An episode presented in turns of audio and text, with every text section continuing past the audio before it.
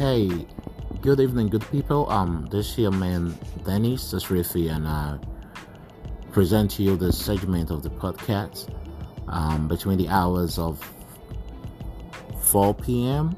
to 6 p.m. each and every Sunday, and then it's got a repeated program on Monday evenings between the hours of 8 p.m. till 10 p.m. All right. Um, so we're gonna start this new segment in a minute. Uh, but before then, I will need to introduce you to some panelists that I have with me today.